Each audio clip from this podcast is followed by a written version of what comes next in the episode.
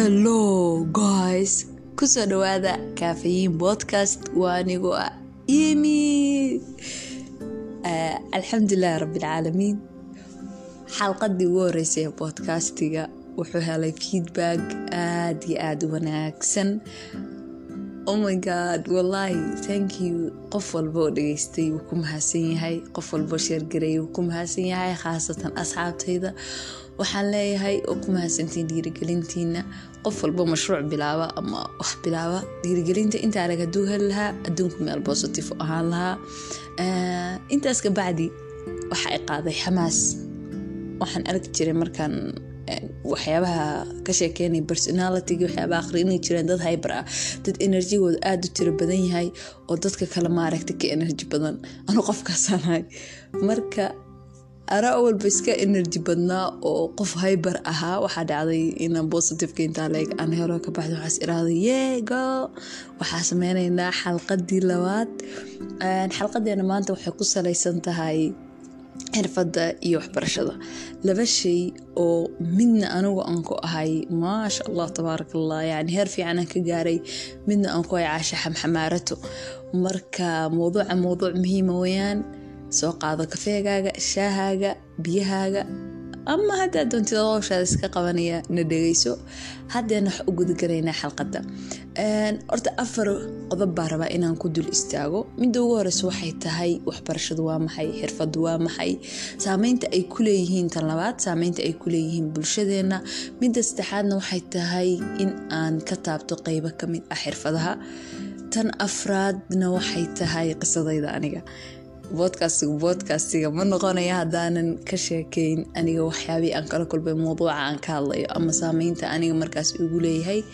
Waxaan dareemaya markaas inaan si qalbiyana inagu soo gudbinayo waxaan ka hadlayo uusan hayn wax maaragta fikir keliya oo uu yahay tajribad. Midda ugu horeysa haddaan ka hadalno farqiga u dhexeeya waxbarashada iyo xirfad waxay tahay xirfaddu waa wax uu qofku uu barto ama qofku uu yaqaano oo uu ficil iyo waxqabad u bedelo halka waxbarashadu ay tahay mid ku tiirsan baarista tababarka mataqaanaa fahanka doodwadaaga iyo baaritaanada lagu sameeyo cuquusha bili-aadanka si loo ogaado siday wax u fakaraan ama wax u bartaan. Marka labadooda yani qeexitaankoodu saasuu noqonaya haddaan u soo noqono xirfadu xirfadu sideedaba waa wax uu qofku uu baran karo. Saa daraadeed xirfadu waxay soo hosgelaysaa waxbarashada laakiin waxbarashadu ma soo hosgelayso xirfada inkastoo baxda caafimaadku markay markaas waxbay barteen bahaa markay wax bartaan waxbay barteenoo dee xirfadlayaal caafimaad bay noqonayaan. Marka labada mawduuc maxaan u doortay. Horta marka ugu horeys waxay tahay labadoodu waa laba shay oo waqtigan xaaliga la joogo qofku uu u baahan yahay midda ugu horeysa waxay tahay haddaadan ahayn qof waxbartay sidee wax u bedelaysaa sidee wax u raadinaysaa sidee isbeddel u sameynaysaa sidee faham iyo garasho u sameynaysaa maalinba waxaa dhacday qisayar baa ina la wadaagaya. Waxaan soo raacay transportationkan ama gaadiidka bulshada. Basaska oo kale minibaasyadoo kale waxaa dhacday wiil yarba wuxuu ku ahaa krishboy buu ka ahaa ama yani dadkan maaragtay dee darawalka maa qof kale lacagta ka aruuriya dadka. Deedna waxaa meeshaa ku jiray ilaa adugu waxa qiyaastiiba dhan labaatan qof. Labaatanka qof wiilku ilmo yar buu ahaa ilmo da-yaru ahaa meelahaas labiyo toban sano jir saddexiyo toban sano jir. Qeyb ka mid ah baa dadkeenu iska badan yihiin maaragta yani ma yaqaanaan sida loola dhaqmo ama loo daryeelo dadka kale mashaacirtooda way way caayeen. Marka maama waxay tiraada ilmaha yarkaha caayin inay ku tiraahday. Mid kalaa soo booday oo rag waaweynaa oo meesha ku jira ka mid ah wuxuu yiri qofkan hadda a caayaysaan biri yacni wuxuu noqon doonaa qof xirfadla ah. Wuuna ka fiicnaan doonaa dadka waxbartay kulligii baabuurka waxa ku jiroo dhan intii u badnayd yani kulligood dhihin anu markaas daawadan ahaa waxay go'aan wada gaareen in waxbarashadu ay bilaa faa-iido tahay xirfaduna ay muhiim tahay. Sababtoo dadka waxbarta waxa ma kordhiyaan dadka mataqaanaa xirfadaha lena waa dadka wax soo kordhiya taasi waa qalad.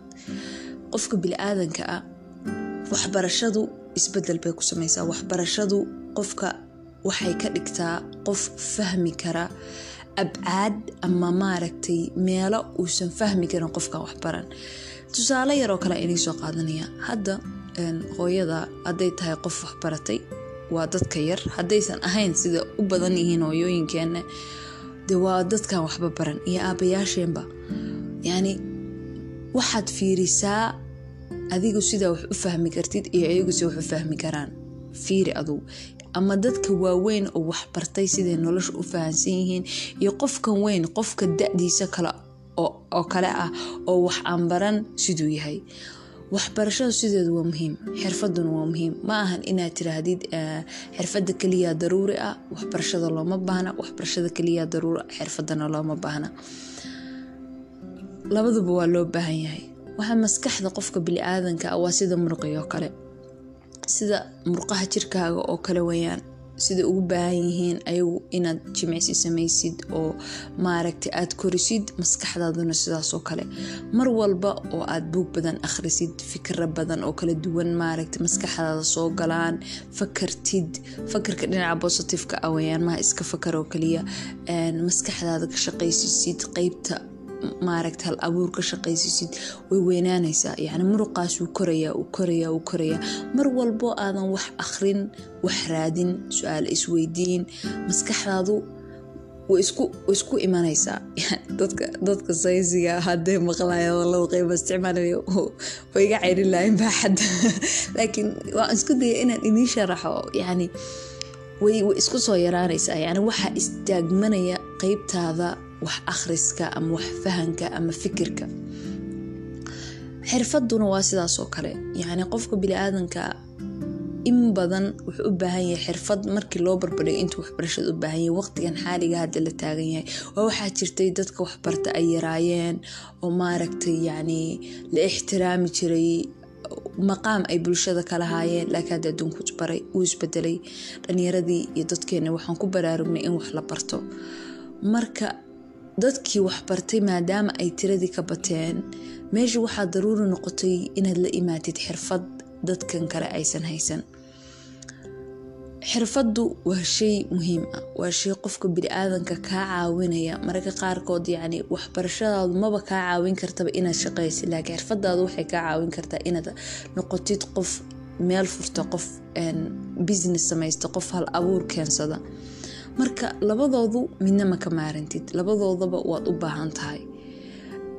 Maadaama ay saa tahay waa muhiim qofka bini-aadanka ah inuu labadoodaba uu haysto ama labadoodaba uu mid walba uu heer ka gaaro. Siduu uu noqdo qof maaragtay dee horumar gaara oo isbeddel sameeya. Midda labaad qodobka labaad waxay tahay saameynta ay bulshadeena ku leeda allalaay mawduuca muhiimadiisba wata. Waalidka soomaaliga allah bodcastiga waalidka soomaaliga waa lagaga rifayaa idinku war haysaane yacni waxaa u dhaliilaya waxay tahay qaab qaab korinteennu wax badan ayaa ka maqan. Qaab korinta ilmaha loo koriyo iyo mataqaana isbeddel la'aanta waalidka soomaaliga uu sameynayo wax badan ayaa maaragtay ka dhiman. Qofkii waa la soo qabanaya ilmaha yarkaa. Waaba waalidka kuwa fiicanya oo ku fakaraya in ilmaha waxbarasho geeyaan waa lagu soo qabanaya iskuul baa lagu daraya faraha lagaa qaadaya laba iyo toban sano baad waxaan ku iri maalin walba subax walba laba maalmood ma ahane maalmaha qaybtooda waa laiskugu yeeraa galaaska laiskugu yeeraa suu macalin shan sabuuradood buuxiy adnaad uga diba qortid. Waa la imaanayaa ma subax walba waad kacaysa lixdad kicin wad dhaqdhaqan wad wajifool dhaqan wad maxay wad kan. Rafaad laba iyo toban sano baad saa ku soo dhamaysanaysaa yacni maalin walba imtixaanaad imtixaan baa lagaa qaadin imtixaankii markii lagaa qaado. Yacni sanadkan imtixaanka lagaa qaaday endhii kaaga dhaceen saddexda bilood oo fasax labada bilood oo fasax haddii lagu weydiiyo markii laga soo noqdo. Xisaabtaas markii laysku daro ama laysku dhufto ama markii laysu geeyo ama lagu dha masaa-isha xisaabiyaadka ama fisikska xalli ama macluumadda biologiga maxay ahayd? Yaa albi eber badkata yani muddada intaale markii la soo bixiyo waalidkii dhaqaalo kugu taageero oo juudi kugu taageero afar sano toddoba sano waxbarasho heerka koowaada lagugu daba tuuro kabacdi lagaa daba tuuro mataqaanaa laba sano ilaa hal sano iyo barmaster ah oo soo fariiso talaatan saniyo wamaa zaada dalan baad ka soo siiso waxbarashaa. Reerkaas dhex fariisata shaqo shaqadii ma jirto waxaweyaa shaqadii waxay noqotay gravation waxay noqotay musuq maasuq. Yacni wax walba waa kaa hor istaagsanaa shaqayshad adeerkaa ma leeyahay hanti ama adeerkaa mansi maleeyahay baarlamaanka maku jiraa wadanko nin siyaasi oo la yaqaano ma yaho aabahaa dee nin laga dambeeya ma yahayo magac reerkiina maleeyihiin hanti ma leeyihiin. Haddaad tahay qof nasiib le oo reerkooda intaasoo dhan leeyihiin shaqadaa intaada soo waxbarashada ka soo qalinjibooba ku diyaarba ama bulshada inteeda kale boqolkiiba sideetan boqolkiiba sagaashan soo badan tahay rafaad baad c v-gaagaad u geysanaysaa. Gabdhaha ayaga waxay kala kulmaan waa mowduuc dheer. Asaga ma raba inaan taataabto laakiin yacni niyadjab nooc walba ah shaqooyin aan kuu qalmin waqtigaad ku bixinaysa aan u qalmin. Anu bilcagsi mihi yani fiiri dadba waxay is dhihi doonaan waa waa muhiim waxay tahay inaad horey ka bilowdo shaqo lacag badan ah laakiin maaha muhiimadu inaad shaqo lacag badan ka bilowdid laakiin waa inaad naftaada ixtiraamtid. Kasoo qaad intaasoo sano labaatan sana wax lagu soo barayay haddii lagu dho shaqo baahidaada wontiskenidiska aan mataqaana aan buuxin karin baa lagu dhiibayaa soo dhibaato hadda laba boqol oo doolar yani wadamadu way kaleyihiin soomaaliya laba boqol oo doolar lacag maaha maanta adoo mastareed haddii lagu dho laba boqol oo doolar ku shaqee ma reerkii baad dabartaa. Khaasatan anaga waxaanahay dad faamiliyadu ku taxaluqaan ma naftaadii baad dabartaa? Ma asxaabtaadii magaaladii kugu timaadaad dabartaa? Ma mashruucaad ku fakaraysay baad bilowdaa? Yacni maxaad qabanaysaa? Maxay kuu taraysaa? Waxba ma kuu tarayso yacni waxa weeyaan meeshaasa waxaa ka bilaabanaysa mucaanaad iyo dhibaato kale. Waxaa marar badan aniga ahaan isdhihi jir maxaa wax baranayso intaasoo sano? Maxaa intaasoo sano reerkaaga wax uga soo qaadisay midda labaad waxay tahay oo meesha taagan qofkii dhalinyarada ahaa maskaxdiisii loomaba diyaarinba in uu mataqaanaa uu la kulmo waaqican. Marka jaamacadda lagu gelinaya reerku waa jaamici hadduu dhammeynaya hadduu reerka u shaqeynaya mas'uuliyaad waxaa garbaha lagu saaraya waa xaq waa mas'uuliyaadna saaran. Laakiin haddana qoyskii iyo aragtidii mujtamacu ka haystay cadaas labaad bay ku saarayaan. Yacni waxaa lagaa sugayaa wax badan oo adiga markaa aadan qaban karin. Fa waxaa imanaysa in mataqaanaa dee qofkii uu mas'uuliyaad is saaro? Haddaa waxbarasho dhamaysay lacag intaaleeg baa laguu soo bixiyay waa inaa soo dadaashaa waa inaa kan qabataa albaab kastoo gashidna xaqiiqatan yacni way jiraan. Ilaahay dad maaragta uu fududeeyo laakiin dhalinyarada badankeeda ma isweydiiso. Aduu sanad walba intaas oo kun oo dhalinyarahabaa qalin jabisa. Xaggee ku baaba-aan xaggey aadan waxtarkooda maa la arko waxqabadkooda maa la arko. Dhalinyarada waxa ma saacidayso dowladii ma saacidayso hay'adihii ma saacidayaan. Horta hay'adaha ayaga warkooda haba maqshiinba meel walbay soo ay soo mataqaana ay soo maaragtay ay soo dhigaan shaqooyinkooda linkiska. Markaad click ku sii dhahdid imsaa lagaa raba laba sano experience yaa albiya xabiib. Haddan qalin jabiyey experience ma haysto. Yani waa sax meelo way jiraan maraatib ama herar sare booso sare oo qof experience aan lahayn maahna qof kale uusan ku fariisan karin. Laakiin shaqooyin kale dhan waxaa isweydiiya hay'adu ma ku fakaraan qofkan dhalinyarada intay qaataan inay iyagu tababartaan. Waxay ka cararayaa saa is leeyahay in intay qofkan juhdi ay geliyaan oo ay tababaraan inuu qofkani uu shaqada uu ka badasho saa daraadeed waxaan ku iraahda waa lasi silcinayaa baalaha layska rafaya laba sano experience xageen ka keenaya almost saddex sano afar sano shan sano experience. Da-deydu ma u qalanto haddan jaamacad ka soo qalan jabiyey hami baa igu jira energy baa igu jira. Midda kale qofku markuu jaamacadda ka soo qalan jabiyo hami sare ayaa ku jira. Wuxuu raadinayaa yacni awood ah inuu isbeddel sameeyo. Isbedelkaas iyo maskaxdiisa positiveka ah waxaa ka niyad jebinaya mujtamaca waxaa ka niyad jebinaya goobaha shaqooyinka waxaa ka niyad jebinaya odayaashan yacni meelaha wada fadhiya oo ku xiraya aabaha hanti maleeyahay iyo gabare maxaa haysaa. Yani run ahaantii waxyaabo badan oo qofka dhalinyarada niyadiisi eber ka dhigaya heer aad nacaysidba inaad yani aad qof ku tiirsanayd. Sababto ah intaaso sanoad qof ku tiirsanayd reerkiina ku tiirsanayd waxaad ku tiirsanayd qaraabadii wax ku soo baraysay qaybteen waxay ku noolaayeen guryo. Yani intaa kabacdi markaad u timaadid inaad noqotid qof isku tiirsan waxay haddana dantii kuu qasbaysa inaad noqotid qof qof ku tiirsan. Sababtoo hebeloo kaale i raac meeshan hebeloo kan kaale ila soo dhamee shaqooyinka ugu basiisanaaba u baahannahay in aan qof mataqaanaa u geysano. Sababtoo annaga cidnana ma taqaano aqoonteena lama fiirinayo ogaay mowduuc meel kalead mooda inuu xoogaa sii galay laakiin waxaan inii sheegayaa xirfad keliya hadaad la timaadid waxaan ka wada waxbarasho keliya hadaad la timaadid meesha yani waxbarashada fiiri waa inay kuu lahaato xirfad. Waalidka qeyb weyn ayuu ka qaadanayaa sababtoo ilmihiisa maku fakaraya inuu xirfad baro. Yani ha noqoto xirfad gacmeed ha noqoto mataqaanaa xirfado kaleoo kala duwan xirfaduu boqolaal xirfadood baa jirta. Xirfad uu qofkani uu asagu uu wax ku soo dhacsan karo. Sideeda waxbarashada anagoo hadaa soomaalinahay iyo bili-aadanka oo dhanba waxaan u galnaa ma ahan inaan mataqaanaa wax ku intifaacno nafteena ma ahan kow marka ugu horeyso inaad biilka reerka soo dhicisid waa inaad mataqaanaa irsaaqad ka daba carartid. Markaa kadib baa maaragtay ku fakaraysa inaad naftaada intifaacdid ama maaragtay ku intifaacdid naftaada ama bulshada wax u soo gudbiso bulshada wax ugu qabatid.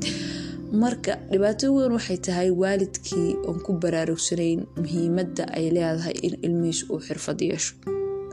In ilmihiisu ilaahumay noqotoday doonto xirfadda sida loo sida kabaha loo baalashaba waa xirfad sama sababtoo ah markaad aad intaad shaqooyinka kale ablaygareynayso oo wax sugaysid xirfadaadii kababaalashida ahayd baad wax qabsanaysa yani waa meesha meelaha ugu hooseyso shaqada laga soo bilaabo iyo wixii ka sii sareeya laakiin waalidkii kuma baraarugsana macalimiintii jaamacadaha dhigayay iyo dadkii tacliinta hayay dhalinyaradii xilligii jaamacadaha imtixaano lagama qaadayo mataqaanaa taabanaya shaqsiyadooda ama ilmahan macalinku maba ku sameynaya wax baaritaana siduu u soo ogaado meeluu ku fiican yahay oo meelaha dhowti xirfad looga siiyo haduu ilmuhu hadda maalan kor ku fiican yahay inuu markuu dadka soo hor istaago uu yahay qof hadli kara. Qofkaasoo kale workshops buu qaban karaa muctamaraad buu qaban karaa dadku ka hor hadli karaa. Hadduu ilmaha waxbarashada marka xilliga uu ku jiro ugu fiican yahay inuu mataqaanaa wax kala furfuro oo maaragtay kombyuutarada kala dhigdhigo in computer sciensigii si fiican loosii fahansiiyo oo yani la sii siiyo jaamacaddii qofkii ay kabto. Laa jaamacad baan ku kabayn laa waalidkeeni baan fahansanayn waxbarasho qalalan. Weliba dadka socialka dhigtoorta ay waaba waaba another level waaba another level. Sababta theory to theory way laqaan dadka caafimaadka bartaaba la qaata practical qaata. Theory theory se u laqayaan oo mataqaana wax yacni semisterkan hadday dhameeyeen semister ku xiga waxba aysan ka xasuusan. Allahuma xabadka xariifka naga daaya isagoo ee jaarjida gurta kaasi waa meeshiisa. Laakiin inteena kale asxaabul b wa asxaabu c waxa weeyaan xaaladu waa forgadness baankuur waa la wada ilaawaya. Marka saameyn weyn ayay dhibaatadaasi ku leedahay bulshada waxaan anigu ku baraarujinayaa waxay tahay in ilmo yacni ilmo walba oo maaragtay hadda soo kacaya ama iskuulaadka hadda ka baxaya oo jaamacadaha gelaya iyo dadka weli fursada haysto jaamacadaha dhigta haddii waalidka ku saboodgareen waayo ama ku taageeri waayo waa boqolkiiba sagaashan isu ku taageereyne baro xirfado yacni hadda waxaa tahay qof wax akhrin kara waxna baari kara waxna qori kara ma saari kartid awoodda yacni ma saari kartid eedda waalidkaaga. Adigiibaa wax lagu baray raaso xirfado intaad ku jirtid xilligaaga waxbarashada. Intaada soo dhammaysan oo aadan la kulmin adduunkan hadda qof aan xirfad lahayn maahana qof kale aan maaragta waxba tarin hadda shaqooyinka hadad baartay adduunka shaqooyinka hadda sanadada soo socda la qaadanaya waxaa ka mid ah shaqooyinka ku salaysan xirfadaha.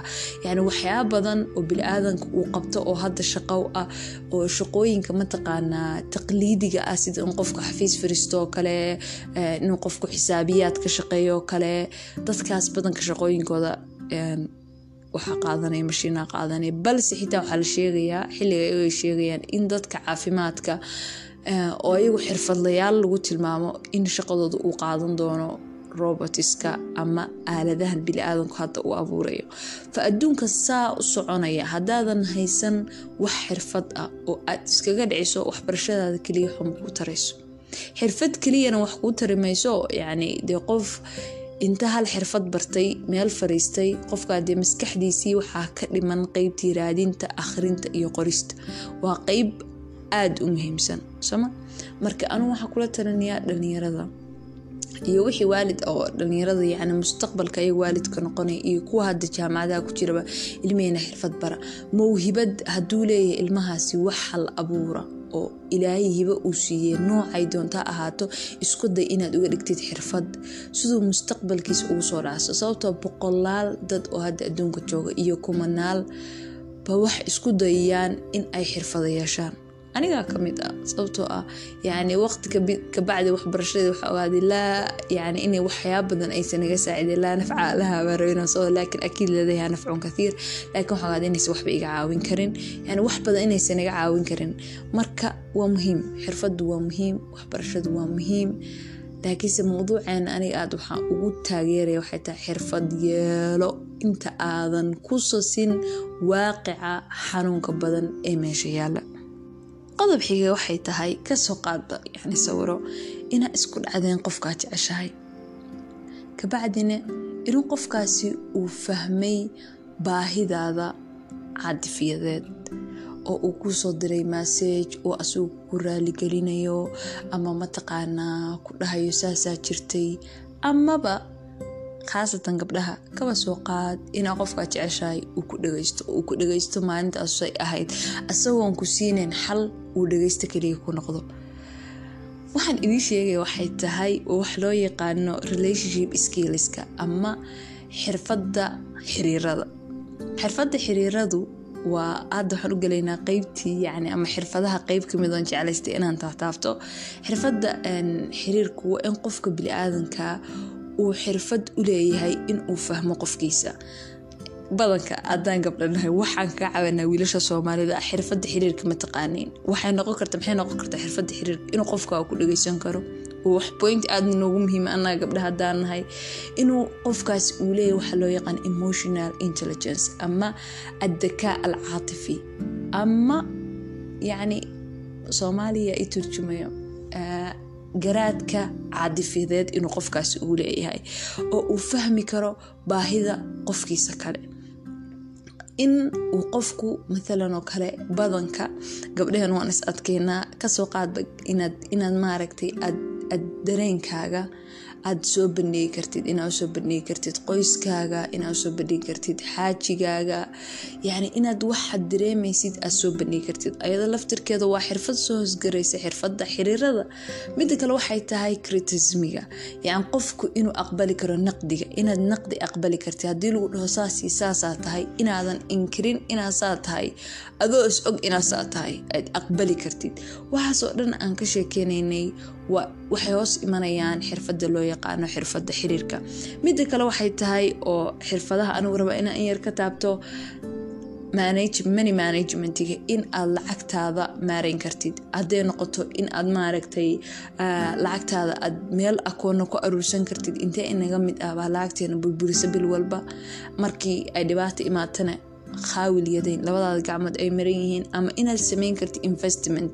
Yani in aad maaragta lacagtaada aad maalgashi ku samaysan kartid yani inaad shirkadaasoo kale hal percentage ka gadan kartid ilamaha dhalinyaro badan soomaali inay ku baraarugsanyihiin in shirkadaha yani kobcayoo kale laga gato percentage oo lacagtaasna hadhowta ay ku dhalayso lacag waa qeyb ka mid investmentiga waxyaaba badan baa soo hosgelaya investmentiga taasina waa xirfadda maareynta lacagta xirfada kaleo noo xigta waxay tahay employ skiilka xirfada qofka shaqaalaha markaa rabtid inaa hayad shaqaale u noqotid oo kale maxaa lagaa rabaa inaad waxa ugu yar oo horta hubaa inay dhalinyarada badanka markay soo garaajuweed gareeyaan ay dhib ka qabsato rasmiga ama mataqaanaa sida loo qorto cv-ga iyo cover letterkiisa oh my god. Taas aniga horta dhibaato badan baa iga soo qabtay. Ilaa hadeer xariifad kumihi laakiin waa skiliska aan ku guda jiro in aan kor u qaado.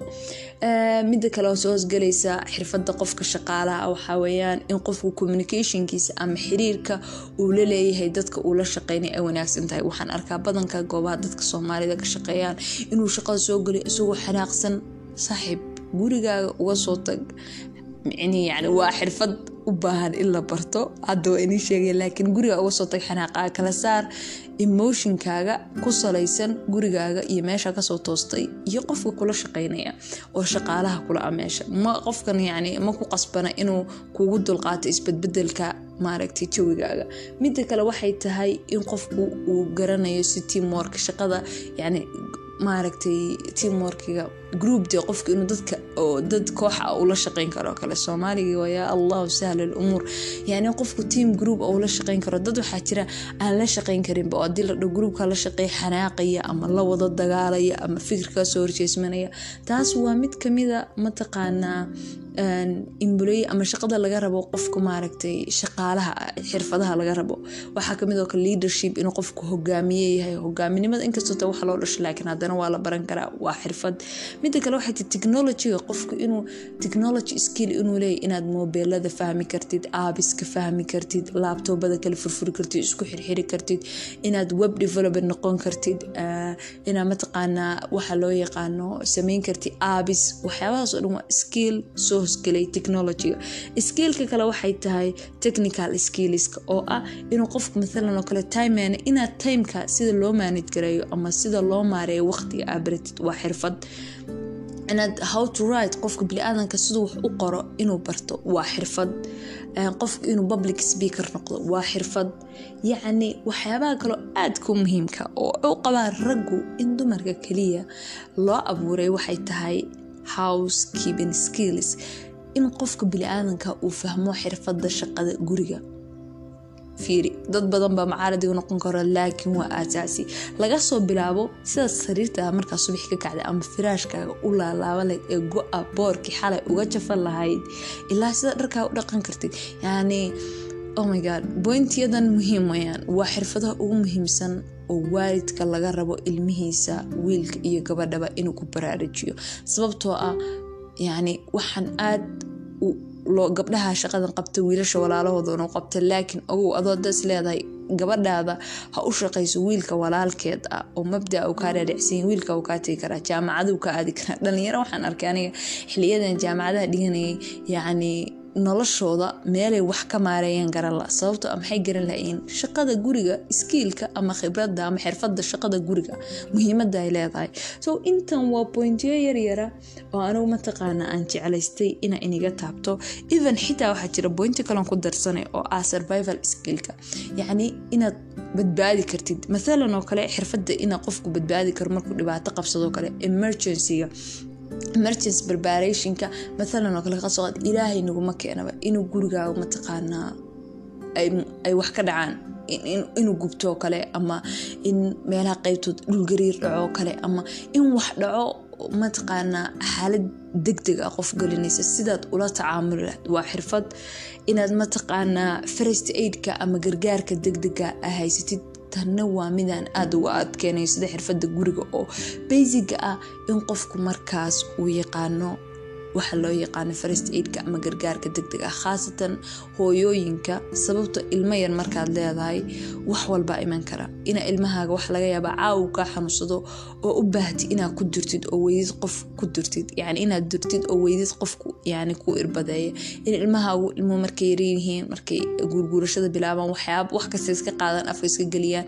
Inaad hadduu taasoo kale ay maato ilmahaaga aad badbaadsan kartid. Waa muhiim okay midda kale waxay tahay oo xirfadda yani badbaadada ka mid xirfadaha badbaadada ugu magac daray in aad akhrin kartid maabka intaanaga naga mid ah akhrin karta google maapka. Oo hadda basic u ah nolosha asaasiga ah sababtoo ah meel walba adduunka maapka lagu tagaa. Ayaa marka laga reebo wadamadeena afrikaanka ah hadda iyadoo xitaa ay soo galayso haddana saas oo kale waa muhiim. Haddaad meel ku halowdid waa inaad maapka akhrin kartid. Inta waa in yar waa in yar oo xirfado ah. Laakiin haddaad baaritaan ku samaysaan idinku waxaad arki doontaan millions of skillska qofka bili-aadanka uu baahan yahay. Just waxa weyaan lama soo koobi karo. Xitaa yani waxaa ka mid ah boynti kaloo ilaaway maadaama xabad xabad maskaxda ugu soo dhacayaan xirfada handmadeka. Qofka inuu yaqaano farsamada gacanta haday noqoto decorationka haday noqoto maaragtay birtumista. Yani wax walba oo gacantaadu ay sameyn karto. Haday noqoto dhartolidda yani imaajin gara wax walba oo gacantaadu ay sameyn karto. Intaas oo xirfadood iyadoo ay jiraan waxaweyaan waa laga fiican yahay inaan noqono dad waxbarasho kaliya ku qalalan dad buug kaliya ku qalalan waana wax aada looga wanaagsan yahay.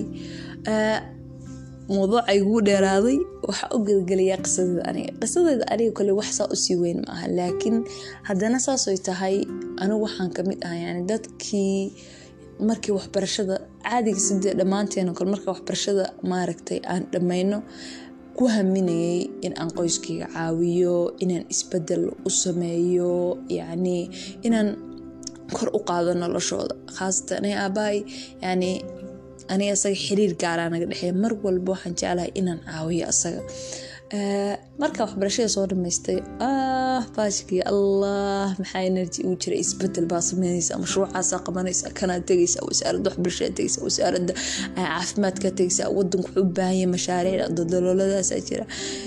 Iyo blogga aan la kulmay yacni wax blogga aan la kulmay daraadiis waan cararay waxaan u cararay inaan masterkayga soo diyaariyo anoo markaa islahaa hadaa masterka soo diyaarisid isbeddel baa imanaysaa dadka wadanka masterka aad buu ugu yaryahay waa aniga markaas xisaabiyaadka isku dhufsanaya markaan imaaday. Waxaa lii salaamu calaykum calaykum salaam. Xabiibati masterka wadankuu ka buuxaa meel walba dadkii dhalinyarada waxbay wada barteen master baa wada yaacaya. Shaqa la'aanta la kowso markaa shaqa la'aantaas aan la kowsaday oo yacni waqti ay ugu qaad intaan shaqo helayay maskaxdayda waxaan go'aansaday in aan wax xirfad yeesho. Waxay doonta ahaato.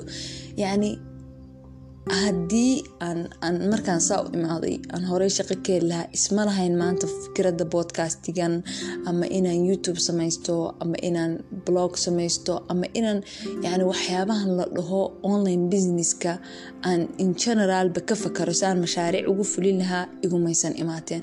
Sababtoo ah horey haddaan shaqo ka heli lahaa taaba kuma fakarin laakiin baahidii iyo khibrad daradaydii khibrad maaha xirfad markaan arkay iyo dee marxaladda wadanku taagan yahay in qofka yani lagu xirayo qabiil iyo qabyaalad iyo waxaase garanaysaan sinaariogi daraamadii a garanaysaan waxaan go'aansaday in anigu aan yeesho inaan nafteyda baaritaan dib ugu sameeyo. Maxaa iimaan ay jeceshahay? Yacni musiibadu waxay tahay taasaa waqti kaa qaadanaysa. Haddii kowba qof weyn oo ilaa heer master soo gaaray oo layiri saaxib firiisoo xamahaysa hadda naftaadii baro yaa tahay horta yaa taas garanaysa inay imaan qof muslima tahay reerkaas kasdhagalata intaas walaalaa leeda laakiin inside maxaa jecesha adugu maxaa rabtaa inaad noloshan ku soo kudhisid yani waan fahamsanay inaa nolosha raba inaa isbeddel samey laakiin xagee rabtaa inaa isbeddel ka samaysid? Laga yaabaa haddii waagaan yaraa yacni xirfadahaygii ama hibada aan leeyahay waalidkee uu fiirin lahaa oo uu xirfad iga dhigi lahaa inaan su'aalahaas isweydiiyaan marka waqtiba iga qaadatay waqtiba iga qaadatay. Haba wax tijaabi yacni kan tijaabi kan tijaabi ma ku soo baxaysid laguguma talgelin shaqadan shaqadan kale tag tan laguguma talgelin tan samee. Yacni marxaladda markaan ku jiray waxaan ogaaday waxyaaba badan aniga ku fiicnahay. Waxaan ogaado sidooda kale waxyaaba badan aanay ku xumay laakiin mararka qaarkood waqtigu dadka dhan masaacidayaa sida anigoo kale inuu waxyaabaha tijaabiyo. Meelo badan tago siduu u ogaado wuxuu ku fiicanya wuxuu ku xun yahay. May dadka badankiisa ma leeyihiin geesinimadaasoo kale yacni riskigaasoo kale ma qaadan karaan maya. Qof waxaa laga yaabaa waalidkii xanuunsan yahay. U baahan yacni shaqo ama walaalkiis iyo reerkiis walaalihiis ka yareer mas'uuliyadda ay ka rabaan aada u tiro badan tahay. Oo uusan waqtiba u helayn inuu inuu sideedoo kale mataqaanaa wax badan uu tijaabiyo. Marka muhiimadeedu waxay tahay iyo mowduucan muhiimadiisuba haddaa hadda israadinaysid qofkaa tahay israadi.